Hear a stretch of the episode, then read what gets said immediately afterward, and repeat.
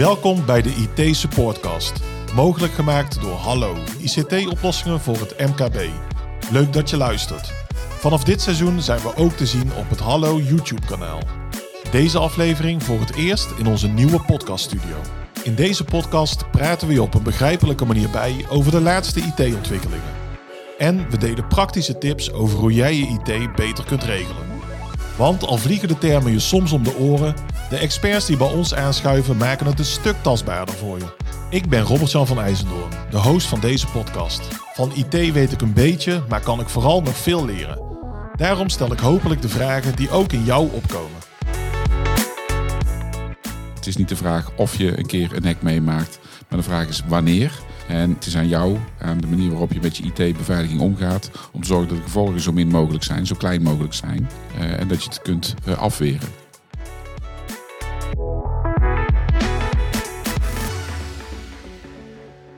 Cybersecurity.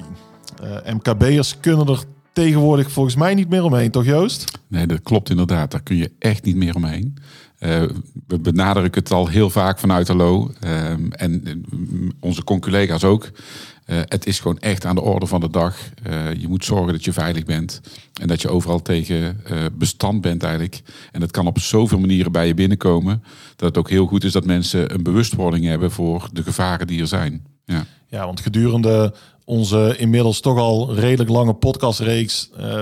eh, bijna iedere aflevering haak jij wel weer ergens op in op het gebied van cybersecurity. Ja, eh, eh, eigenlijk maakt het niet uit over welk onderwerp je het hebt in de IT. Eh, security is echt een heel belangrijk onderdeel van, van, van, van software, van, van regels, van instellingen, maar ook van gedrag van mensen. Ja. Ja, nou, de komende zes afleveringen gaan we het onderwerp cybersecurity goed beetpakken. Helemaal En uittypen. duiken we ook echt de diepte in. Vandaag beginnen we bij het begin, maar niet voordat we Roy Sandberg hebben voorgesteld.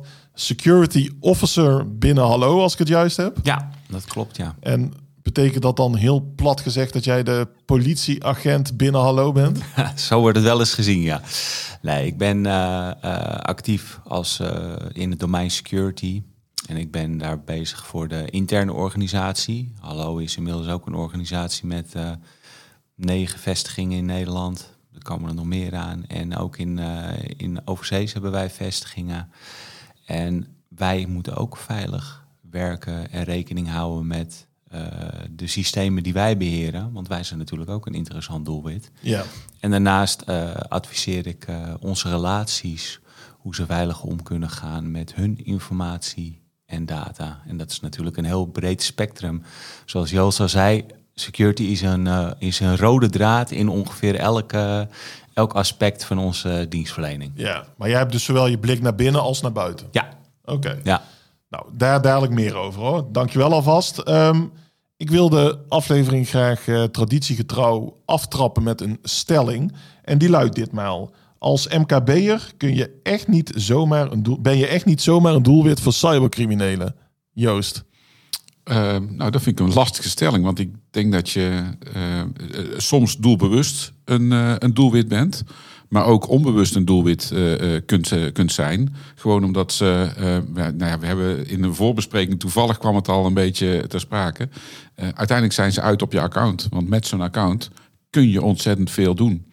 En eh, dat kan soms heel doelgericht zijn als je in een bepaalde sector zit of een bepaalde dienstverlening hebt richting je klanten. Eh, maar het kan ook gewoon zijn dat jouw account gewoon gebruikt wordt om iets anders eh, uit te vreten. Ehm, dus ja, ik Ja. denk wel dat ik het eens ben met die stelling. Hey, en jij Roy, eh, als MKB'er ben je echt niet zomaar een doelwit voor cybercriminelen? Ja, ik denk dat eh, iedere organisatie een doelwit kan zijn. En dat kan op eh Maar meer- ook als je met 10, 20 man bent. Al ben je met één man of twee Ja. man. Hè. We krijgen allemaal privé al vaak een, eh, een spammail of een phishing mail binnen. En dan ben je nog ineens een organisatie. Dus iedere organisatie kan getroffen worden door een, eh, door een cyberaanval. Het hoeft niet zo te zijn dat die organisatie echt een doelgerichte aanval krijgt. En want je hebt verschillende soorten aanvallen. Maar je hebt ook heel veel automated scans. Dus dat zijn gewoon eh, criminelen die gebruiken systemen, cybercriminelen gebruiken systemen die automatisch het internet eh, afstruinen en gaan mailen naar verschillende accounts of die gaan scannen naar verschillende systemen.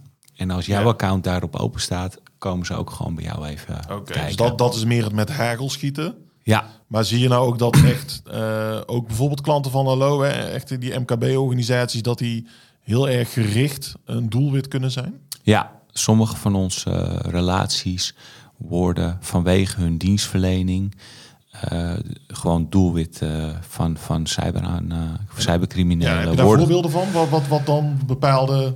Financiële instellingen hebben we een aantal van, maar ook zorginstellingen zijn, zijn regelmatig doelwit van, van cyberaanvallen. Het gaat er natuurlijk om dat je informatie hebt. Ja, En, maar dat sluit het niet uit, want ook een bouwbedrijf bijvoorbeeld, dan zou je zeggen, wat heeft een bouwbedrijf maar? Nou, maar die is wel afhankelijk van zijn IT. En als die geen goede backup bijvoorbeeld heeft, dan Mhm. is het misschien wel interessant dat die toch betaalt, omdat die financieel dat ja, aan Ja. kan. Ja. helder. Hey, ehm, laten we van, vanuit deze basis hè, van oké, in principe iedere MKB-organisatie is potentieel een doelwit, al dan niet gericht. Eh, laten we daar eens op doorpakken, hè, want eh, ik las namelijk dat het risico op een cyberaanval tegenwoordig groter is binnen, binnen een bedrijf dan de kans op een brand. Ehm, en Dat geloof zien- ik wel. Ja, nou ja, hiernaast ons staat ook keurig een brandblusser. Ja. Ehm, betekent dat dat ook dat ieder, iedere organisatie zijn digitale brandblussers en brandalarmen paraat heeft, eh, Roy? Nou, ze hebben het niet allemaal paraat. Dat is wel het advies wat wij geven om het allemaal paraat te hebben.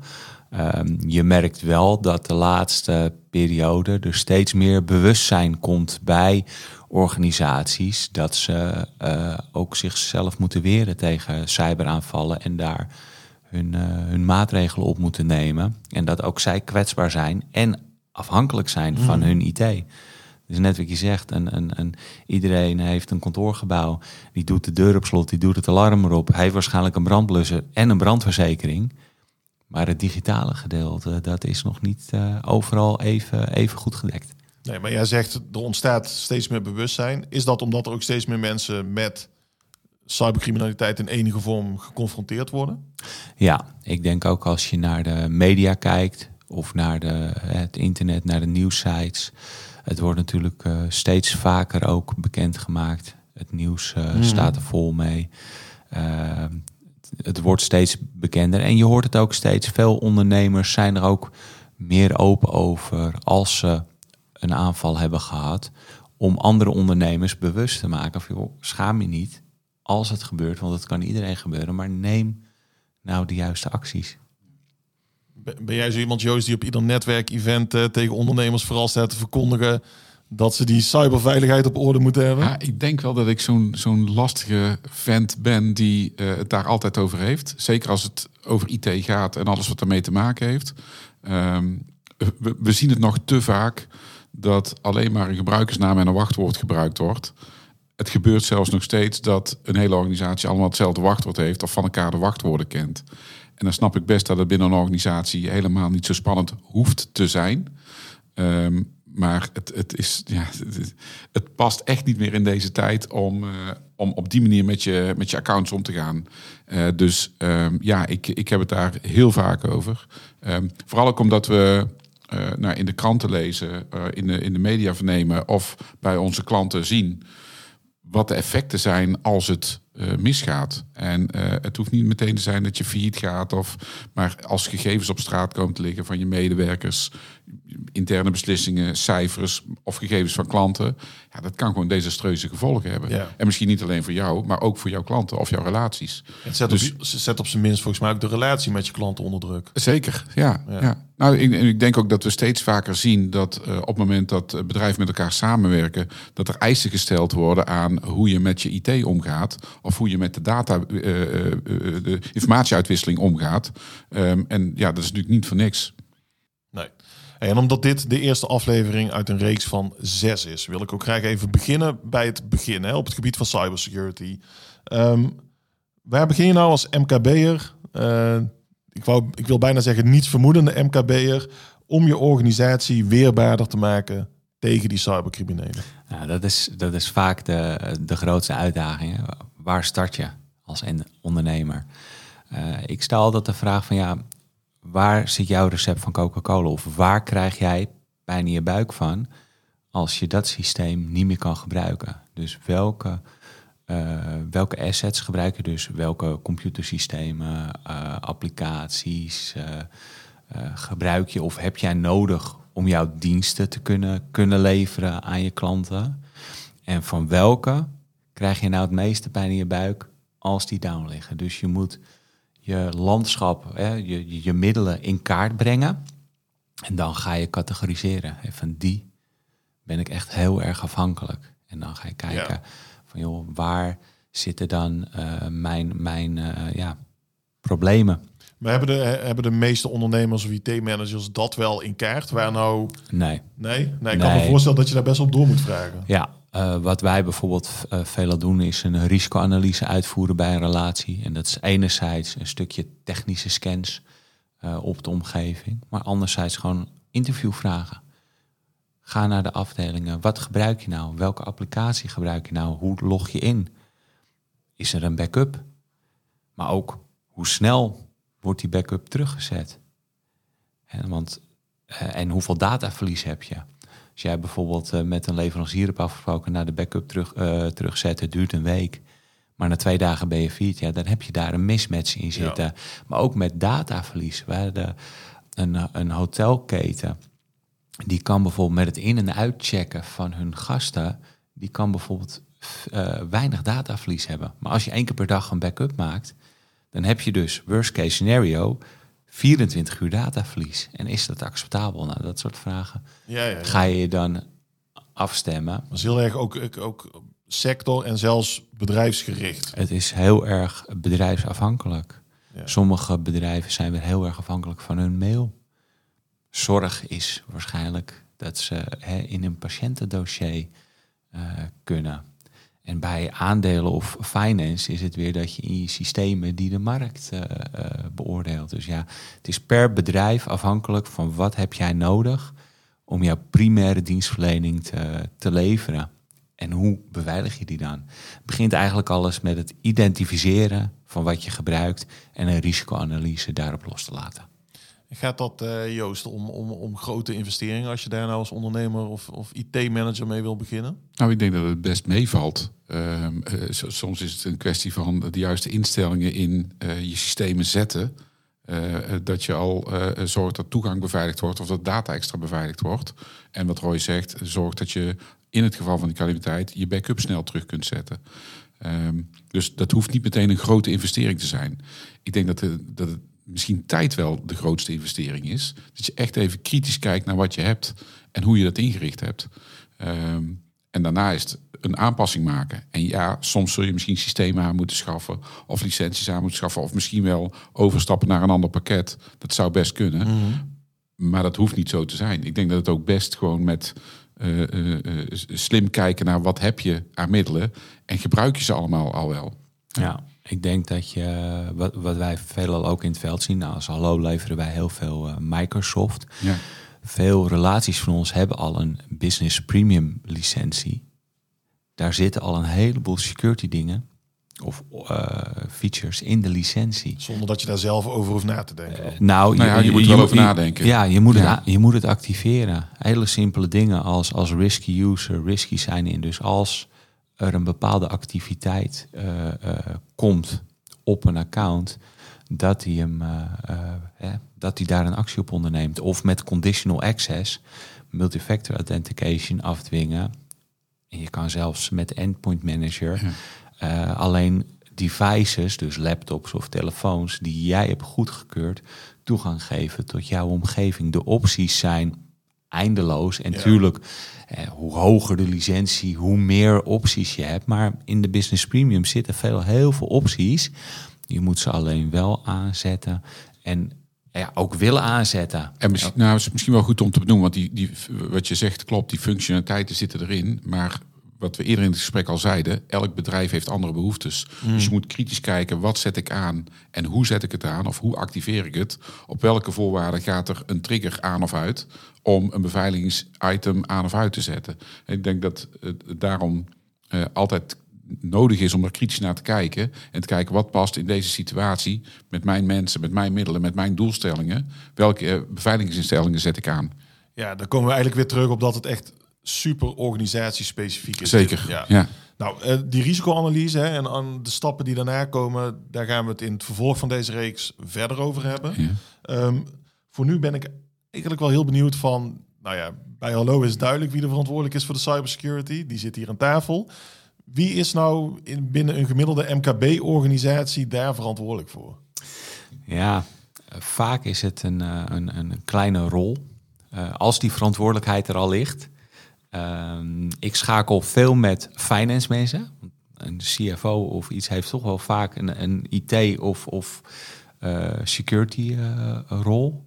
Ehm, en en eh, eh, HR heeft die rol af en toe ook wel eens, omdat die met mensen omgaan, eh, bewustwording.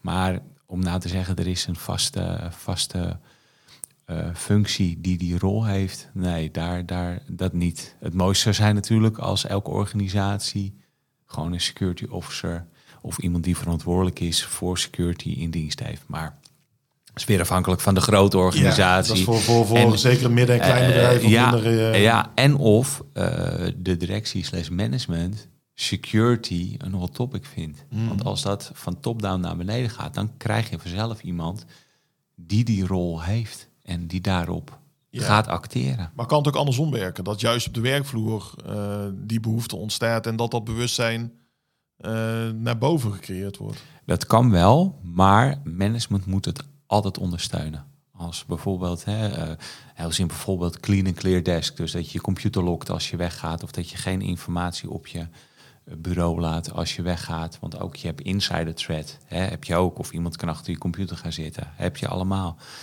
Als iedereen dat doet, maar het management doet het niet. En denkt op een gegeven moment de mensen ook van ja, maar waarvoor doe ik het? Ja. Ja, dus linksom Eh, lead, lead, lead moet, by example. Dat, Ja, dat is gewoon, eh, dat is gewoon een. moet gewoon door eh, ja. management omarmd worden. Ja. Ja, Ja. dat is ook eh, een, een vereiste. Hey, en eh, Joost, als we die, die, die managers en die directieleden nou eens willen voeden, hè, Ja. is, kan het als bedrijf ook een USP zijn als je je cybersecurity echt goed op orde hebt? Eh, nou, dat denk ik wel. Ik kan me heel goed voorstellen dat eh, eh, je, als je dat goed op orde hebt, dat je veel makkelijker orders binnenhaalt voor, van bepaalde organisaties, omdat je gewoon goed georganiseerd bent en de data bij jou veilig is. Dus ik, ja, het zou zelfs een USP kunnen zijn. Daar ben, Ja. ik, wel mee, ben ik wel van overtuigd. Ja, En, en naast een USP is het volgens mij ook gewoon bittere noodzaak. ja, dat, nou ja absoluut. Ja. Los, los daarvan, eh, het gebeurt gewoon. Het is aan de, aan, aan de orde van de dag dat er wel ergens iets gebeurt. Hè. De, een beetje, een beetje populistische uitspraak misschien, maar het is, het is niet de vraag of je een keer een hek meemaakt, maar de vraag is wanneer. En eh, het, is, het, is, het is aan jou, aan de manier waarop je met je IT-beveiliging omgaat, om te zorgen dat de gevolgen zo min mogelijk zijn, zo klein mogelijk zijn. En in het beste geval niet heel zijn. Eh, en dat je het kunt eh, afweren. Dus ehm, ja, heel belangrijk. Ja. Hey, en, en cybersecurity eh rooien is deels een eh, technisch verhaal.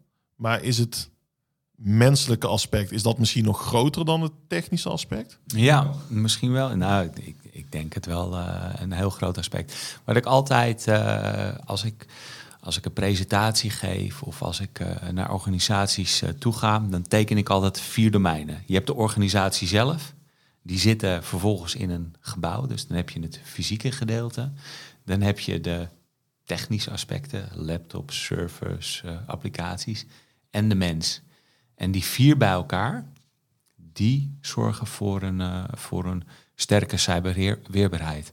Want bijvoorbeeld als organisatie kan je wel zeggen, ik wil dat je veilig werkt. Maar wat betekent dat dan? De mens die kan het weer invullen. De ene doet eh, een, een wachtwoord, die doet op een post-it op zijn laptop. En die andere doet dat redundant in de kluis. Dus de organisatie zal een beleid moeten hebben. Als voorbeeld, waarin ze zeggen, hè, ik wil dat je zo en zo omgaat met ons, eh, Ja. onze informatie Ja. en data. De mensen moeten daarnaast daar bewust van zijn. Die moeten het eh, weten, die moeten het willen en die moeten het kunnen. Hè? Die drie bij elkaar. En dan je technische maatregelen.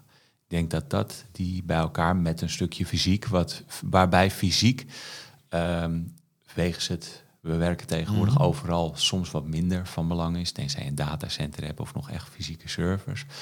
Maar die eh, vier domeinen eh, zijn gewoon belangrijk om, Ja. om een sterke cirkel te maken tegen je en je cyberweerbaarheid te verhogen. Ja, ja want ik, ik kwam laatst bij een eh, softwareontwikkelaar en leverancier binnen. Maar voordat ik eenmaal binnen was, moest ik heel wat poortjes en checks door. Ja. En zelfs als je dan even gaat lunchen, is het weer eh, opnieuw, hè, dat hele riedeltje. Ja. Ehm, maar is dat nou ook voor een gemiddelde organisatie van belang om toch in de gaten te hebben wie er nou binnenkomen in jouw kantooromgeving?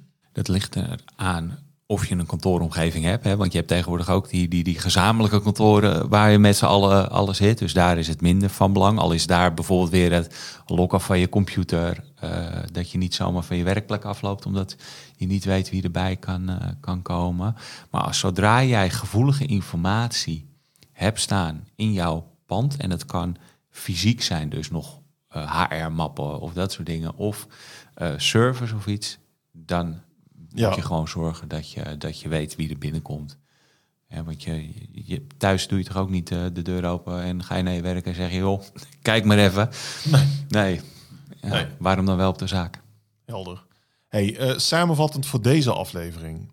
Ehm, wat zijn nou de quick wins waarmee je kunt beginnen om je cybersecurity op orde te hebben? Kunnen, kunnen jullie mogen elkaar vooral in aanvullen hoor. Ja, wij- hebben zelf altijd een, eh, een, een basishygiëne. Het, eerste eh, waar ik aan denk is, als er wat gebeurt, wil je terug kunnen. Dus zorg dat, een, dat je een backup hebt. Zorg ervoor dat je veilig inlogt met eh, multifactor authentication. dat is een van de, van de meest voorkomende. Zorg dat je je apparaten update. Doorvoeren van updates op je laptops. Nou ja, laatst was Citrix weer met een, met een grote attack. Dat is een belangrijk onderdeel. En dan hebben we nog een stukje encryptie, segmentatie. Een beetje de, de Ja, baseline. Maar Ik zou zeker ook awareness erbij willen zetten. Zorg dat, dat eh, medewerkers, eh, collega's allemaal aware zijn, eh, bewust zijn, Nederlands, bewust zijn van eh, bedreigingen. En dat je niet zomaar op een linkje klikt. Dat je even goed nadenkt voordat je, hè, als, als er een mailtje binnenkomt, klopt het wel dat ik nu ineens een factuur van KPN zie? Want weet je, ik zit op de productie. Ik heb helemaal niks met die factuur te maken. Dus ik hoef daar niet op te reageren. Ik hoef daar niks mee te doen. Ik denk dat eh, bewustzijn Ja. van mensen Ja. ook wel een heel belangrijk onderdeel is. eens.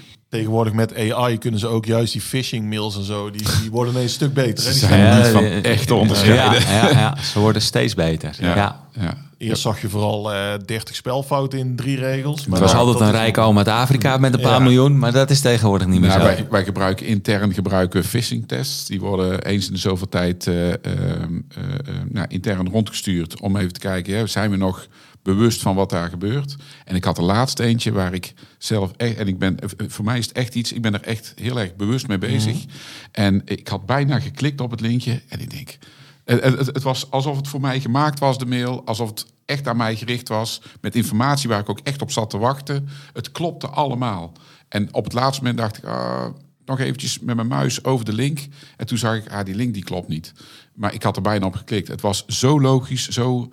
Ja, Als ze zelfs jou al kunnen foppen, juist, ja, maar het, kan iedereen overkomen. Dus daarom, daarom geldt nog Ja. steeds dat je altijd... Het, het gebeurt, kan iedereen overkomen. En, echt. en de phishing testen die ik opzet, die... Oh, dus het kwam van jou, die Ja, ja, Ja, ja, de Roy- Roy organiseert ik, die. ik stuur die. eh, maar als ik ook voor organisatie ga, ik gebruik de grootste openbare database, LinkedIn. Ik ga Ja. kijken wie is dan een HR of een finance of een manager. En ik kijk op nieuwsberichten of op websites om te kijken van wat zijn nou relevante onderwerpen of welke bedrijven lijken hun post. En dan doe ik alsof ik zaken met ze Ja, doe, ja. alsof het een interne mail is. Die informatie is allemaal openbaar. Ja. En zo werken aanvallers natuurlijk. Ja, dus je moet Ja. er een beetje moeite in steken, maar ook weer niet mega veel. Nee, Nee. het is allemaal openbare informatie. Ja, en, maar misschien is ook een vervolgstap dan... ehm, kan me voorstellen dat er bij degene die er dan wel op klikt... ook schaamte kan optreden. Maar laat die vooral niet leidend zijn. Nee, dat is vooral belangrijk vanuit de organisatie. eh, een stukje beleid, maar train je mensen ook en geef ook aan, meld het. Wij hebben ook als stelling bij twijfel melden en, en je wordt niet gestraft. Je moet niet eh, inderdaad wat jij zegt, dat mensen op het strafbankje gaan zitten of zo. Nee, super fijn dat je het meldt, we gaan actie ondernemen. Ja. Maar zorg dat je als organisatie dat ze weten aan wie ze het kunnen melden en dat ze het inderdaad moeten melden zonder schaamte. Oké, Nou, genoeg voor deze aflevering. Ik kan me voorstellen dat de luisteraar of kijker eh, bijna zijn laptop eh, niet meer open durft te klappen. Zo erg is het. Zo erg is het niet. Nee, Nee. nou gelukkig. Ehm, de volgende vijf afleveringen gaan we hier ook veel dieper op in. En eh, nou ja, als je ze allemaal geluisterd hebt, dan eh, ben jij ook niet langer degene die op die link klikt. Als het goed is niet. Nee. Hey, hartstikke bedankt voor het aanschuiven. Graag tot de volgende. Graag En gedaan. ehm, nou ja, ik ben er eh, klaar voor om dieper die wereld van de cybersecurity in te duiken. Jullie Leuk. ook? Leuk. Zeker. Ja. Mooi, dank je. Ben jij getriggerd door het verhaal van Joost en Roy en wil je op de hoogte blijven van de laatste ontwikkelingen? Volg Hallo via de social kanalen of de Hallo website. En blijf deze podcast vooral ook lekker luisteren. Abonneer je op je favoriete podcast app of volg ons via YouTube. Zo mis je geen aflevering.